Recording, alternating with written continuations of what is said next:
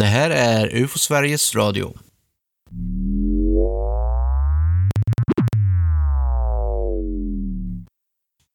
När jag stannade bilen och gick ut såg jag ett svart triangelliknande föremål över mig.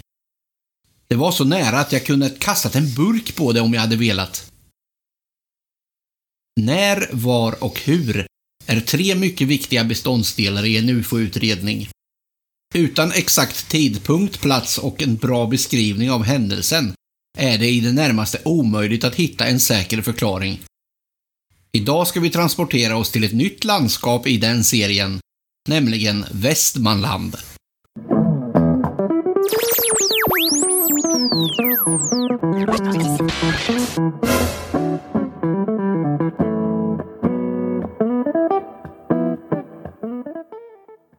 Då sitter vi här igen framför mikrofonerna. Hej på dig Johan, hur står det till? Hej på dig Tobias. Jo då, det är riktigt skitväder ute bara, annars är det lugnt. Ja, det är den... eh, Denna mycket gråmulna Det är lördag den 12 lördag. december. Den kommer jag på. 12, ja just det. Nej, vädret har ju inte ändrat sig en millimeter sedan vi poddade sist. Precis likadant. Men som sagt, vi ska vara i Västmanland idag. Äntligen får vi då veta hur det ligger till med de här fallen från Gyttorp och Hällefors.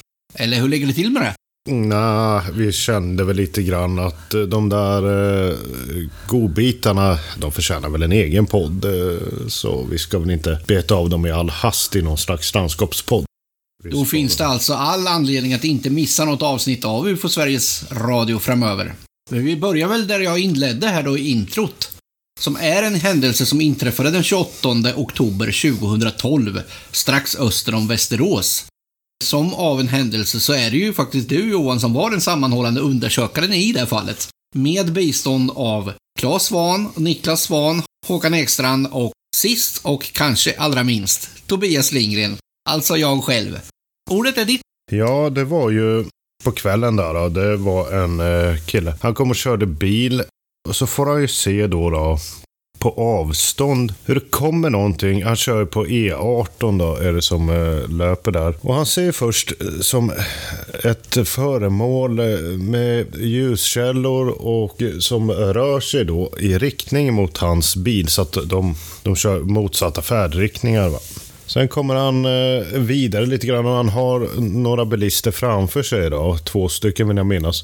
Han ser ju då hur det här föremålet passerar in till vägen och nästan rakt över honom när han har kört vidare en bit framåt. Han tycker då att det ser ut som en det är en stor svart triangel. Den har ljuskällor i vardera hörn, eller på, på vardera sida. Sådär, va. Den har en, en vit, lite pulserande Då har han hunnit stanna och gå ur bilen. jag är inte riktigt än, utan han gör det kort efter. Och, men då har den passerat över honom.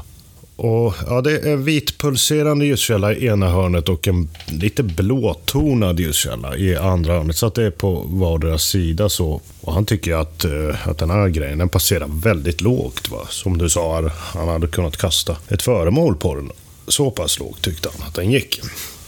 När den här grejen då har passerat över honom så stannar han bilen. Och han kliver ur bilen, tittar bak och följer den här grejen med blicken. Då när Men det går ju går väldigt bak. sakta. Ja, det går inte så himla fort. Det är Inte Det är alltså mopedfart. precis. Men det är, det är sakta.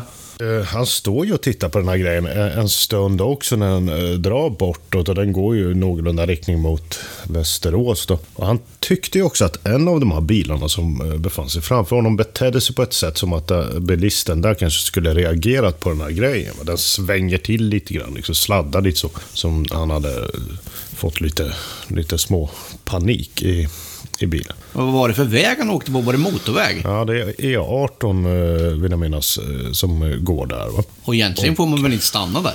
Nej, det får man väl kanske inte. Men, eh, Men han gör det i alla fall. han gjorde ju det ändå. Det skulle jag också gjort om jag ser en sån där grej. Ja, han vart väl påtagligt Men hur beskriver han den då mer? Ja, han eh, tror att den är ungefär två meter tjock då, på bredden. Det, det är en Så uppskattning. den är som- högre än en vanlig bil alltså? Ja, eh, uppskattningsvis. då. Den uppskattningen gör han när han följer den här grejen på avstånd. Vi får se här vad han skriver om, om bredden. Han skriver ju så här. Va? Vi ska se vad han skriver här i sin rapport. Han skriver, jag skulle bedöma att den var mellan 10 och 15 meter bred. Så det är en ganska mastig grej som han eh, uppfattar här. Och han tror ju då att den är på 8-10 meters höjd ungefär, någonting sånt. Trätoppshöjd. Och han följer den här grejen eh, när han drar bortåt och sen sätter han sig i bilen och, och kör vidare. Han blir ju ganska så tagen utav det här. Va? Han eh, ringer ju ett samtal, det första han, han gör till en bekant här va? och, och berättar om det här. Och sen så kontaktar han uh, UFO Sverige ganska kort efter det här. Och på den tiden var det ju du som satt som ansvarig Ja, för... Han hade väl hört av sig via, via Han hörde- Aftonbladet eller något sånt först va? Ja, jag tror han hörde av sig till, till Claes Svan först. Och möjligt Ja, jag tror han att det, hade... han, det var han som fick det via Aftonbladet. Ja, så kan det vara. Och det var ju väldigt, alltså det var inte alls många minuter i princip efter att det hade hänt. Nej, det var nära inpå. Ändå så hade man lite oklart där och vad tids, tidsbegreppen var då. Mm. Det var inte många timmar efter att observationen ägt rum som vi fick reda på den. Nej. Det stämmer ju då att jag var ju rapportcentral då. När var det här då? Det var mellan 18.15 och 18.20 på kvällen. Den 28 oktober. Det här eh, samtalet som eh, observatören ringde kort efter eh, att han sett det här är ju naturligtvis till god hjälp. Sånt tycker vi om när vi får in rapporter. För att då kan man ju backa i samtalslistan och kolla. Bekräfta då exakt när tiden är. Och, och eh, man kan ha referenser. Det här måste ha skett före det här klockslaget och, och så vidare. Men vi började ju jobba lite grann med den där då och kollade ju naturligtvis en hel del flygtrafik. Jag satt ju en hel dag minns jag och höll på och, och, och kollade runt där.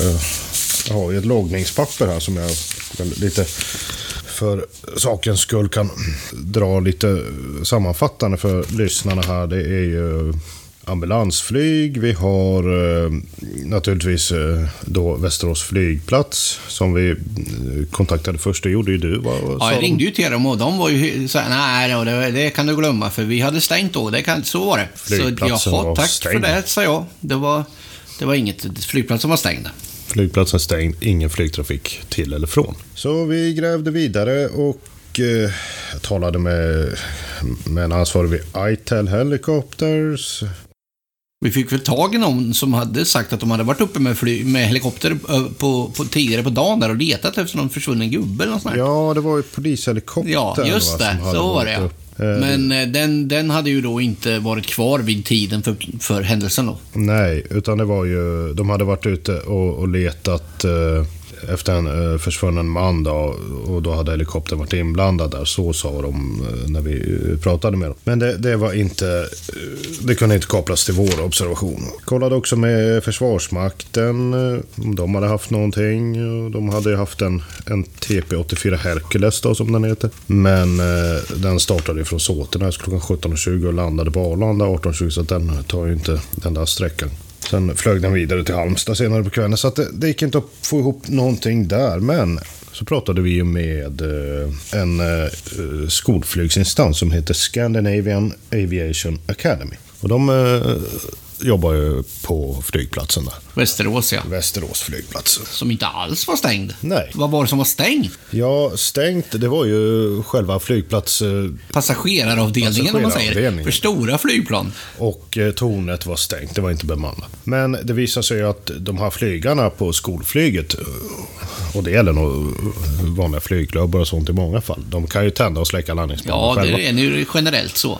Så de kunde ju komma och gå precis som de ville. Och de hade ju faktiskt haft eh, ett flyg uppe i, i luften vid den här tiden. Närmare bestämt en Cessna 172. Då kan man ju tycka det är lustigt om man ringer till flygplatsen och frågar. Ja. Men man får ju de svaren man frågar efter, så det kan ju vara så att jag inte uttryckte mig på det sätt som jag borde ha gjort. Ja, fast jag kan fortfarande tycka att de borde ge ett mer pedagogiskt svar än så. Och det, det är inte heller unikt det här, för att jag har varit i kontakt med flygplatser vid andra tillfällen och fått precis samma svar som du eh, fick där. Va? Nej, tornet var eh, in- stängt, inte bemannat. Är det för att de inte flygplatsen vet eller för att de gör det enkelt för sig? Ja, det kan ju inte jag svara på. Men i det fallet så ställde jag följdfrågan. Va? För när den här kvinnan säger att det, det är stängt, flygplats och torn är stängt. Då frågade jag henne, ja men flygklubben då? Kan inte de ha flugit? Jo, de kan ju ha flugit ändå. De, de har ju Ja, tillgång. det är ju bra. Så att- Då, vi drog ju en lärdom av det här naturligtvis. Det gjorde vi Här. faktiskt. Så det var ju positivt. Men hur var det med den här Cessna 172? Den var ju uppe vid tiden för observationen. Och vi fick ju även veta då att eh, den hade ju sannolikt befunnit sig ungefär i det här området utanför stan. vid tiden för observationen. Men fanns möjligheten att han hade kunnat se den då? Ja, den gjorde ju det. Eh, den eh, hade ju faktiskt landat kort efter att han hade sett det här. Vid den här tiden 1820 ungefär. Vi, vi kunde ju inte spika den exakta rutten förrän vi fick ut en, en radarplott. Även om eh, det ska eh, nämnas att Scandinavian Aviation Academy var väldigt behjälpliga i eh, vår, vårt arbete. De ställde upp och gav väldigt mycket information och vi fick ju prata med piloten som hade kört den här Cessnan och De sådär. kanske tyckte det var spännande att vi hade sett, eller påstår att någon hade sett ett UFO i närheten. Ja, precis. Vi fick ju den här plotten så småningom. Men när vi väl fick den så kände jag att vi, vi var nästan redan i hamn. Va? För att efter att ha pratat med både en av eh, lärarna då på det, här, för de ägnar sig åt skolflyg de här, och med piloten så verkade det ju väldigt sannolikt att den hade kört just den här sträckan just vid den tiden. Men vi fick ut två stycken radarplotter. Sen en ifrån flygplatsen med så kallad sekundär eh, radar. Det är ju en sån här radar eh, som kräver en mottagare för att, för att de- de ska upptäcka någonting, en transponder. Och det hade de på planet. Ja, det har ju alla sådana här mysflygare och all flygtrafik. Men hur kommer det sig då att man inte ser de här ofta små flygarna på flight radar? Ja, det gör man ju ibland, men eh, de har ju kanske inte just det radarsystem som Flight Radar 24 använder sig utav. De har ju eh, ett lite... Jag tänker mig att nu kanske, man, nu kanske folk vill gå ut och testa. Jag ser ett litet flygplan utanför fönstret så vill jag kolla om det finns på flight radar. Och då ser man inte det och då, då, tycker man att vi pratar konstigt här när vi säger att vi kan kolla flight radar. Ja, ja, Men eh, det, det visar sig alltså att det funkar inte på allt. Nej, det, det är inte ett 100% täck, täckande. Men flygplatsen hade ju naturligtvis plott över den här flygningen. Så vi fick ut den och Eh, så fick vi ut en plott till från Försvarsmakten med eh, sån här primärradar. Där man ser alla, alla föremål. Och de bekräftade ju varandra. Och det visade sig mycket riktigt att det var den här Cessna som man hade sett. Vi hade ju tidpunkten för samtalet och därmed för observationen och vi kunde jämföra den. Och vi hade den exakta platsen för den hade ju vi besökt då, två av föreningens representanter. Ja, för han var ju lite osäker på platsen när vi väl kom dit. Ja, Så man fick åka lite på vägen och kolla sig och visa sig. För han trodde ju att han hade åkt några mil längre än vad, det verkligen var sen. ja han, när vi väl kom dit. han uppskattade att han var två, tre mil ifrån eh, Västerås, men han hade bara kommit en mil ungefär. Ja, Men vi lyckades eh, få fram platsen. och hans beskrivning där, den är ju otroligt sammanflätad med den här plotten som du snackar om. Ja, det, det är alltså en fullständig överensstämmelse. Vi ser flygplan komma precis i den riktning som den här kommer ifrån och eh, passera eh, över vägen ungefär. Va? Precis så som han har beskrivit och fortsätta bort inför landning på Västerås flygplats. Men flög de på åtta meters höjd då, som han säger? Nej, det gjorde de ju naturligtvis inte. Och det där är ju väldigt relativt det här med, med höjder. Va? Den, den var ju på över 200 meters höjd när den passerade över vägen.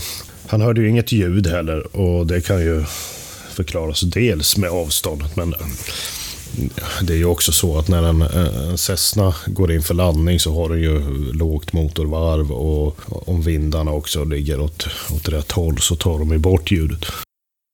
Det här ljuset då som man har sett, att eh, förklara en, den ena pulserande vita lampan, det är inte så svårt för den är ju Ja, alla flygplan har ju vita lampor. Det här blåtonade ljuset däremot, det kunde vi förklara genom att eh, det sitter en vit positionslampa och ett fast grönt ljus i ena änden.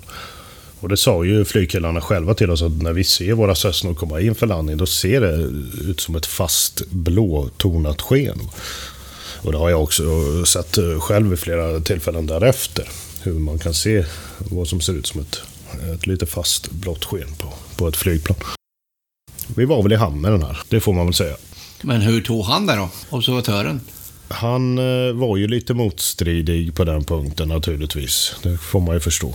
Kunde han, eh, han kunde inte se flygplanet samtidigt, vilket han borde ha gjort med våra undersökningar som, Ja. som underlag. Det, det är ju ett, ett väldigt svårt argument att komma runt. Va? Att om han inte såg Cessnan, varför såg han inte då två föremål? Cessnan och... Men han gick så småningom med på att det var det här han hade sett ändå. Men hur kommer det sig då att, att han beskrev en svart triangel? Så såg ju inte en Cessna ut.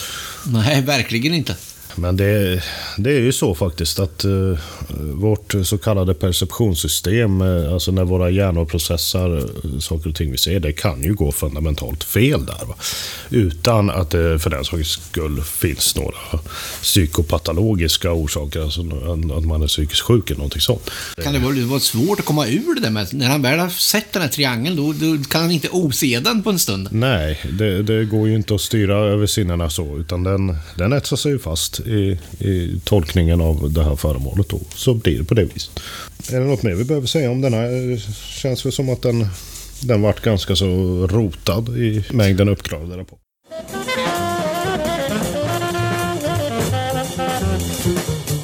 Då förflyttar vi oss till en liten ort som heter Dingtuna. Det, det ligger ju inte så långt ifrån Västerås det heller.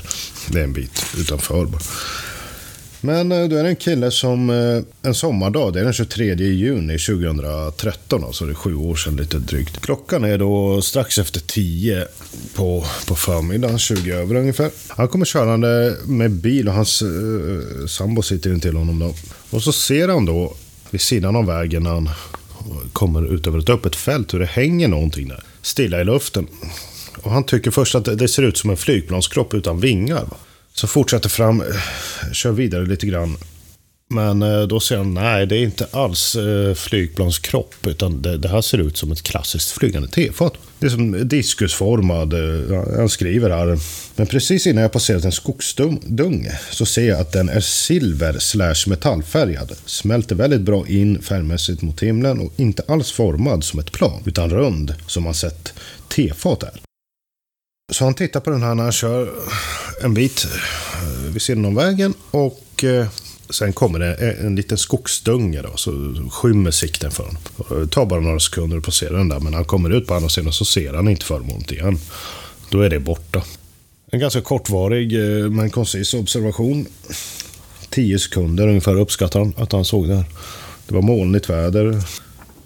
Så han skickade in den här rapporten till oss då och Ja, jag började jobba lite grann med den. Jag pratade med honom över telefon, tog lite kompletterande redogörelse så. Och så gjorde vi lite, lite uppföljande arbete som vi alltid gör. Började kolla om det här eventuellt kunde varit ett linsmoln. Då. För att de kan ju faktiskt formas lite så här eh, tefatsliknande och står eh, stilla i luften. Så det skulle ju kunnat vara en, en eventuell förklaring i det här fallet. Men hur nära marken var det då? Ja, eh, det var ju inte jättenära, så den var ju en bit upp. Va? Ingen närobservation riktigt så. Eller, uh, ja, det är svårt att bilda sig en uppfattning om det här av din beskrivning här. Hur nära och hur långt bort och hur högt upp. Mm. Det lät ju som att den var vid sidan om vägen. Att den var ja, alltså, nej, väldigt inte, nära. Nej, inte och riktigt. Att, och att den skymdes av träd. Men, mm. men det berodde kanske på andra vinklar och förhållanden. Ja, det, det är snarare träden som kommer nära dem än, än tvärtom.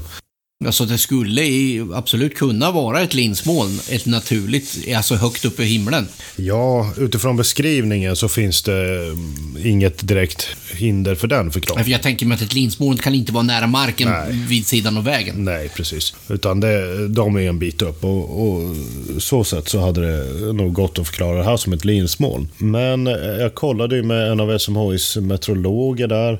Han sa ju det att visst är det möjligt för linsmoln att uppstå i, i den där trakten om, om vindarna kommer ner ifrån, från Dalarna och de här bergstrakterna där uppe. För att linsmoln de bildas ju i områden nedanför bergskedjor, eller berg. Vinden sluttar ner så. Och eh, då skulle eh, fjälltrakterna i Dalarna, det är väl eh, skandinaviska bergskedjan som löper ner där. Den skulle ju då kunnat eh, orsaka sådana vindar som behövs för linsmolnen. Men då skulle skulle vindarna behövt vara nordvästliga dagen, så att de blåser från de där dala, dalatrakterna ner mot Västerås. Va? Men det var de inte, utan det var tvärtom. Vinden var sydlig den här dagen. Vädret i övrigt, hur var det då? Ja, det var ganska molnigt. Va?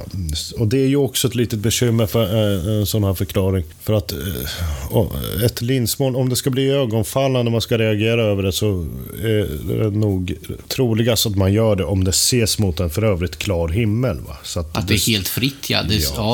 ja. Att det står ut lite så att man får en kontrastverkan där mot himlen. Nej, så det, det, gick inte att, att, förklara det här som ett linsmoln. Jag gjorde lite andra kontroller här också. Kollade ballonger, om det fanns någonting. Det fanns ett ballongföretag som heter Far och Flyg AB. Om de hade haft några ballonger i, i de där trakterna. Men de sa att de flyger inte ballonger vid den här tiden. För att eh, uh, termiken, alltså den här varma luften som, som uh, kommer sig när, när solen värmer upp markplan. Den gör det lite svårt för dem att flyga med sina ballonger vid, uh, på förmiddagen. Så. Ballongflyg AB i Stockholm kollade också upp om de hade haft någonting i, i Västeråskrokarna. fanns ingenting från deras sida. Modellflygklubben var jag i kontakt med. Kollade om de hade haft någonting. Men eh, de kunde inte svara på det riktigt om någon av deras enskilda medlemmar hade varit ute där. Va? Men det verkade väldigt osannolikt för att de hade i fältet på andra sidan stan. Och eh, det är ju där de flyger. Men eh, den frågan kan jag ju bolla tillbaka till dig. Det är ju, man flyger ju oftast på ett ställe som är dedikerat för modellflyg. Det är mycket, mycket enklare. Ja. Då är man ju inte störd av någon och det är mycket enklare att starta och landa och sådär. Men det är klart att man vet inte. Någon kan ju testa. Ja. Jag har ju sett nybörjare som har åkt ut till en plats som är öppen och kört. Och de har lyckats att flyga fem varv och sen är det kaffe och grejerna. Så att det, man, är man otränad så, så blir det ju ingenting. Nej. Så att det, det är osannolikt att någon skulle göra det kollade vi lite annat också. Itel Helikopter som jag nämnde här innan. De flyger i Västeråskrokarna. Men de hade inte haft någon helikopter där vid tiden. Inte heller polisflyget hade haft någon helikopter i luften. Så att eh, jag kom inte riktigt i hamn med den här. Kollade ju också om, om medierna, VLT, hade fått in några andra observationer för det var ändå dagsljus. Men eh, det var inga som hade hört av sig till dem med någonting sånt där. Du sa att frun var med i bilen. Vad säger hon då? Ja. Har hon sett något? Såg hon den? Hon hann tyvärr aldrig se det här föremål. Hon tittade åt annat håll och han påkallade eh, aldrig hennes uppmärksamhet. Han vart väl för... för ja, det är ju väldigt taget. kort, men ändå. Man hade ju gärna velat att hon hade också fått blick på det. Det hade man ju absolut gjort. Det hade ju varit intressant. Men tyvärr så vart det inte. Det blev ingen vettig slutsats av det här då, eller? Nej, vi kom inte i hamn med den här utan eh, det är en av många rapporter som vi har jobbat en del med. Som... Och det beror på att, den är, att det är bristfällig information. Man kan, inte, man kan inte frambringa mer. Nej, det är ju en väldigt kort observation ur en bil i rörelse. Förvisso dagsljus och ett formbeskrivet föremål, men eh, det är inte, det är inte jätterikt på information. Det är det ju inte. Så den har ju blivit... Det är det som gör att vi inte kan gå vidare. Ja, det är ju lite svårt när man har sådana kortfattade observationer att, att komma i hamn eh, med dem ibland. Det är en typisk, typisk rapport som vi får in. Typiskt skulle jag inte säga. Det är ändå ett formbeskrivet föremål i dagsljus. Men eh, den är ju långt ifrån unik. Va? Det, det finns ju många rapporter av det här slaget.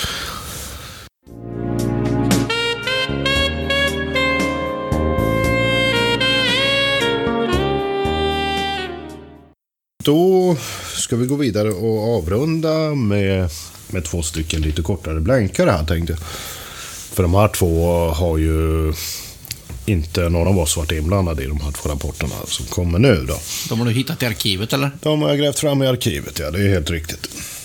Och var befinner vi oss? Vi befinner oss vid korsningen eh, Torstuna, Holmstad, Nibble står det här i rapporten. Eh, det har du just plockat fram på kartan här. Ja, då vi ska vi någonstans vara mellan just den här vägen som vi åkte på förut som hette då E18 va? Ja, just det. Mellan den och 56an som går uppåt norrut från Västerås mot Sala. Ja, det är en bit mitt emellan dem, en bit nord öst om Västerås då. Mm. Där ligger Tortuna och det här Nibble som du sa. Bra, då vet vi ungefär vart vi är någonstans. Och när var det här då? Det var den 24 september 1994. Det är några år sedan. Klockan är cirka 21.30 till 21.45 på kvällen. Och eh, det är en man då, han är på väg eh, i bil mot Fjärdhundra. Och så ser han då en eh, ljus molnformation som var väldigt bred, skriver han. I molnet fanns diskusar av olika storlek med mycket starkt vitt sken. Det rörde sig i olika banor. Sådär. Efter en kvart ungefär så försvann hela molnet i tomma intet. Han såg det här mot eh, väst-sydväst och hade en mycket hög eh, hastighet. Det är en kort beskrivning i all ära.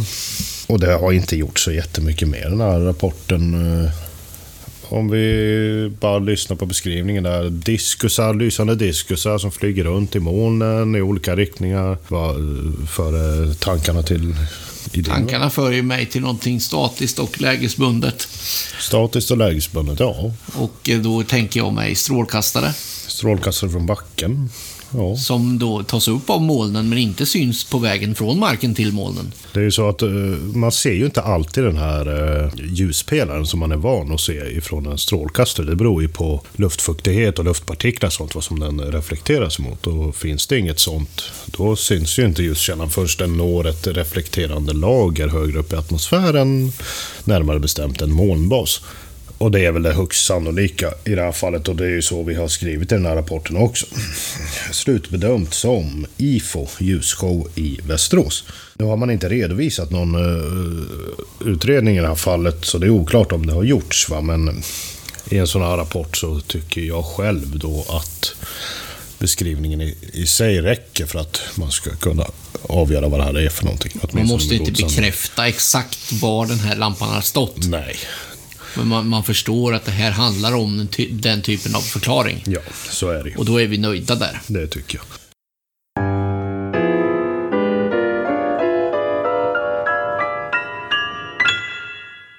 Men vi har en blänkare till. Eh, följer den samma mönster? Och då tänker jag mig att mönstret är man i bil som rör sig. Ja, just det. Då har vi haft tre sådana rapporter i rad. Nej, det gör den faktiskt inte.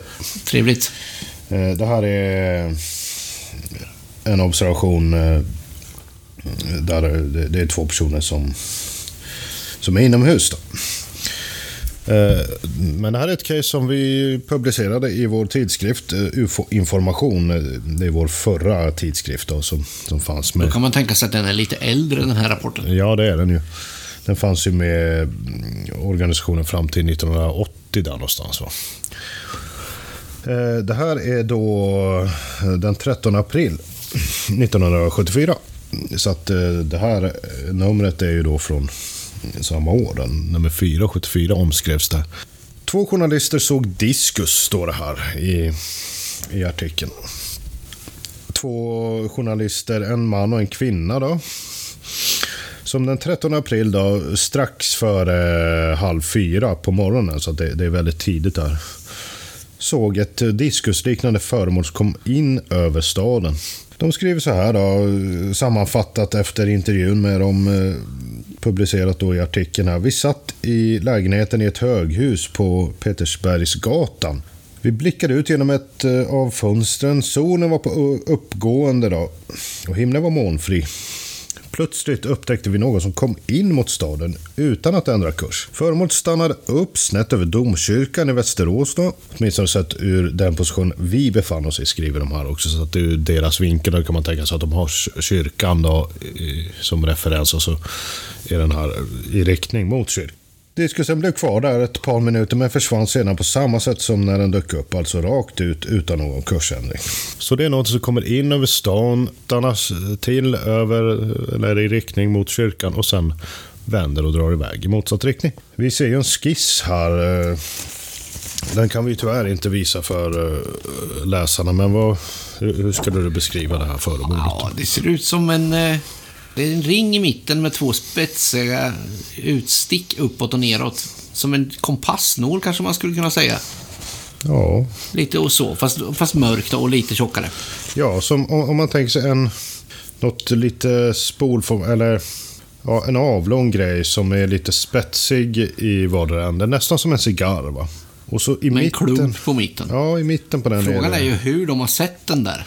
Precis, för här är den ju den, den är nästan lodrät helt och hållet. Här, va, ja, det är inte lätt att förstå sig på den där. Hade man lagt den ner hade det varit en tefatsformad från sidan. Ja. Då hade man tänkt sig ett väldigt platt och smalt flygande tefat. Men nu är den ju stående på högkant i så fall. Ja, mer eller mindre. Ja, så man får, vi får inte någon 3D-känsla när vi ser bilden här. Nej, inte riktigt så. Utan det, mm, de skriver ju bara så här att skissen visar hur den här personen uppfattade föremålets form.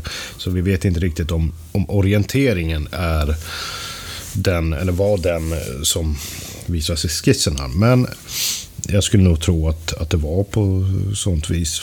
Jag ser inte varför man annars skulle publicera den på det där viset. Men det, det är en Ja, någon undersökning har man ju inte publicerat här och något mer material har inte vi om den här rapporten. Man skulle bolla någon, det skulle man tro då. Har du någon spontan tanke om vad det här kan ha varit för någonting? Nej. Nej. Var den så eh, mörk mot, eh, kontrastfylld mot bakgrunden i himlen alltså? Det tror inte jag att den eh, var, utan det där är nog i trycket här. Va? Den här tidningen är ju Nej, det, det, finns ingen direkt spontan känsla om något, något, annat som liknar den här grejen. Det tycker jag inte. Nej. Ja, möjligen profilen på ett flygplan då som flyger helt snett. Ja, det, det, det, kan man om den gör en sån här... Eh, Gir då, eller gir, en bankning. Men, Men eh, då skulle den ju bara banka hela tiden. Men det, kan ju inte de. Den sväng, det är ju i svängen. Den skulle ja. möjligen se ut så här vid ett momentant tillfälle. Ja, precis. Eh, rent beteendemässigt så skulle det kunna gå att förklara det här som en helikopter. Men ja, de liknar ju inte det hon har beskrivit, eller de har beskrivit det svårt att dra någon närmare slutsats om vad det här ska ha varit för någonting. Det hade ju behövt undersökas närmare naturligtvis och det tycks ju tyvärr inte ha gjorts här. Det var som sagt 1974 och... Ja, det var väl ändå lite symptomatiskt på den tiden att man tog hand om rapporten och gjorde initiella undersökningar, kolla lite grann, men sen gärna förpassade den in, in i arkivet. Ja, det var ju inte så rigoröst som det har varit eh, på senare år efter det. Utan eh, man pysslade väldigt mycket med att dokumentera. Kanske gjorde lite undersökningar. Eh, intervjuade vittne, utredde rapporten mer för att få klarhet i alla detaljer om vad det var som hände snarare än att också försöka utesluta eller kontrollera vissa möjliga förklaringar. Så anledningen till att du tar med den här, vad, tycker, vad är det du tycker är intressant i den? Ja, det är alltid intressant med en, eh, ett formbeskrivet föremål eh, som beskrivs som en diskus. Det är de här lite kittlande rapporterna när folk har sett mer än bara ljusprickar. Så det här är ju en av flera sådana som jag hittade från Västeråstrakten. Men får vi sån, den här typen fortfarande? Ja, det händer ju, men eh, det är inte jättevanligt. Men jag, min känsla är att det var vanligare då. Ja, det är min känsla också. Är det en, är det en med sanningen överensstämmande känsla eller är det något, något som vi konstruerar nu? Är, kommer de här om 20 år? Ja. 40 år? Det, det är alltid en bra fråga som vi återkommer till. Ja, nej, men det, det är en jätteintressant fråga faktiskt. Det skulle krävas en väldigt rigorös kartläggning för att uh, komma till botten med den frågan. Och en sån skulle absolut behöva göras. Man skulle gå igenom rapporterna från 70-talet och jämföra med idag och även gå igenom inrapporteringsdatumet va, för att se om eh, de kom in som färska rapporter de här på 70-talet. Eller kom de in på 90-talet och 2000-talet, många utav dem. I sådana fall kan man ju börja tänka att... Då, då eller kom de in på 50... Eller gjordes de på 50-talet och de kom in på 70-talet? Ja, men då ska de inte vara daterade till 70-talet. Då ska de vara daterade till 50-talet. Ja, jag tänkte även där om det, om det är en, en lagd på 20 år. Mm, mm. Ja, nej, men det, det, man skulle behöva kolla en del där och försöka kartlägga om det verkligen är så att det var mer intressanta påtagliga rapporter och observationer på 70-80-talet än vad det är idag. Och det är generellt för hela Sverige, inte bara Västmanland. Nej.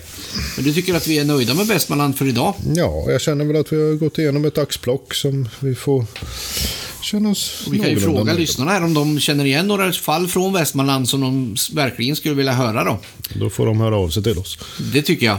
Och som ni vet så är ju Hällefors och eh, Gyttorp då några som vi har funderat på att göra poddar på framöver.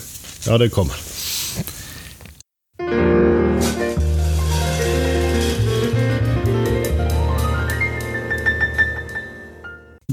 Lyssnat på ytterligare ett avsnitt av UFO Sveriges Radio och vi som har snackat idag är Johan Gustafsson och Tobias Lindgren.